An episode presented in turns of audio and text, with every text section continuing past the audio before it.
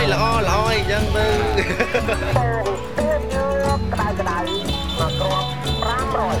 Het is ochtend in het avondland. Een podcast van Chris Janssens. Aflevering 18 van Alles Wat. Cambodja ontdekken is als een oude rommelzolder opstappen. Dit land is in de tijd blijven stilstaan en dat bedoel ik positief. Het is in elk geval een godvergeten land. Letterlijk, God is vergeten dat hij het ooit gemaakt heeft. En de wereld met hem. Bovendien is lange termijn denken een moeilijk concept.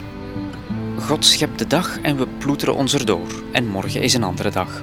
Het is een Cambodjaanse mentaliteit en intussen heb ik er ook een slag van weg. Aan elk loshangend touwtje knopen de Cambodjanen weer een nieuw verlengstuk vast en je hebt geen idee waar het zal eindigen. De cyclo's hebben duidelijk hun beste tijd gehad, maar worden telkens opnieuw opgelapt met reserveonderdelen van oudere exemplaren. Ze zullen blijven rondrijden tot ze spontaan uit elkaar vallen. De fietsen en de mannen die ermee rijden. Dat groezelige kantje van dit land spreekt men net aan. Het gevoel dat het nog niet af is, houdt een belofte voor de toekomst in. Intussen hangt het land met plakband en ijzerdraad aan elkaar en dat mag wat mij betreft nog even zo blijven. Ik beperk mij in Cambodja tot observeren en beschrijven van wat ik rond mij zie. Verregaande sympathie, maar geen symbiose. Dat ben ik.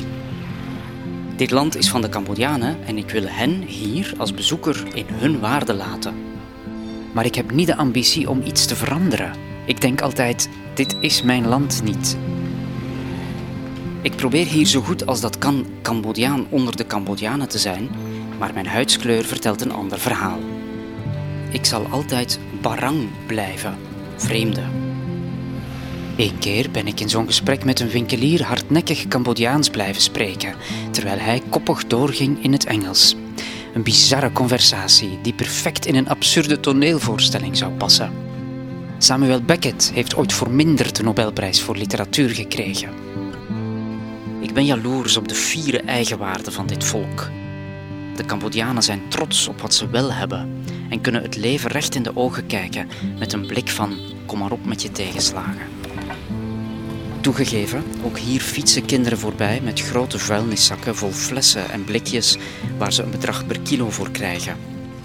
Eén keer kijkt zo'n jongen op van zijn werk en een paar seconden hebben we oogcontact. Daarna zoekt hij naarstig verder tussen de rommel terwijl ik nog een slokje neem van mijn glas wijn. Als ik het even niet meer weet, ga ik hier aan de straatkant zitten. Een uurtje eenvoudigweg naar Cambodjaanse weggebruikers kijken kan me instant vrolijk maken. Ik heb de indruk dat ook zij niet altijd weten waar ze naartoe gaan. En dat geeft troost. Wat heb ik toch met vergane glorie, met grandeur die niet meer is, met verdoft goud en bestofte dromen die niet mochten zijn. Wij zullen tot de laatste snik blijven drinken op het leven, terwijl de wereld rondom ons vergaat. In dit geval verzinkt in de modder. Sinds ik dit heb ervaren, begrijp ik de muzikanten van de Titanic beter. En de veranderingen gaan snel. Het Cambodja zoals ik het vandaag ken en zoals ik het hier beschrijf, zou over een aantal jaar wel eens grotendeels verdwenen kunnen zijn.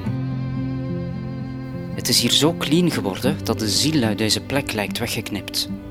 Alsof je plots een rechte lijn trekt door een bochtig labyrint, zodat je meteen de uitgang toont en al het speelplezier wegneemt. Ik vraag me af hoe Sihanouk veel er bij mijn volgend bezoek zal uitzien. Gaat de stad als een opstandige puber rebelleren tegen deze waanzinnige toestand? Misschien zakken deze kolossen na een tijd wel vanzelf in elkaar. In een flits bedenk ik dat het makkelijker zou zijn om een app te ontwikkelen. Where is my ladder? Zodat je op elk moment het dichtstbijzijnde kan lokaliseren. Zo hoef je niet voortdurend heen en weer te rijden. Maar ik moet ophouden met een logica achter de dingen te willen vinden. Het grote waarom, waar ik al zo lang naar zoek, bestaat misschien helemaal niet.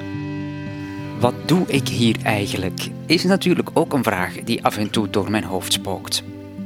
Ik ben een beetje op de dool. Dat wil zeggen, ik heb geen heel duidelijk toekomstplan. Soms is volhouden iets dat je doet omdat je te ver gekomen bent om nog terug te gaan. In mijn geval ook letterlijk. Alsof de wereld aan deze rivier ophoudt en er geen andere optie was dan hier te blijven. Ik hoef aan niemand verantwoording af te leggen. Ik heb enkel een computer om mee te nemen en een rugzak met kleren. Als het op de Cambodjaanse manier kan, lijkt het plots veel minder erg om oud te worden. Je zal als eerste uit het gezelschap eten aangeboden krijgen en er is altijd wel een viriele kerel die je zware koffer wil dragen. Eerlijk, ik begin er nu al naar uit te kijken om hier oud te worden. Al staat mijn rugzak altijd vertrekkensklaar. De podcast Het is ochtend in het avondland houdt er even mee op. Na een korte pauze komt er een tweede reeks met wekelijkse verhalen uit Cambodja.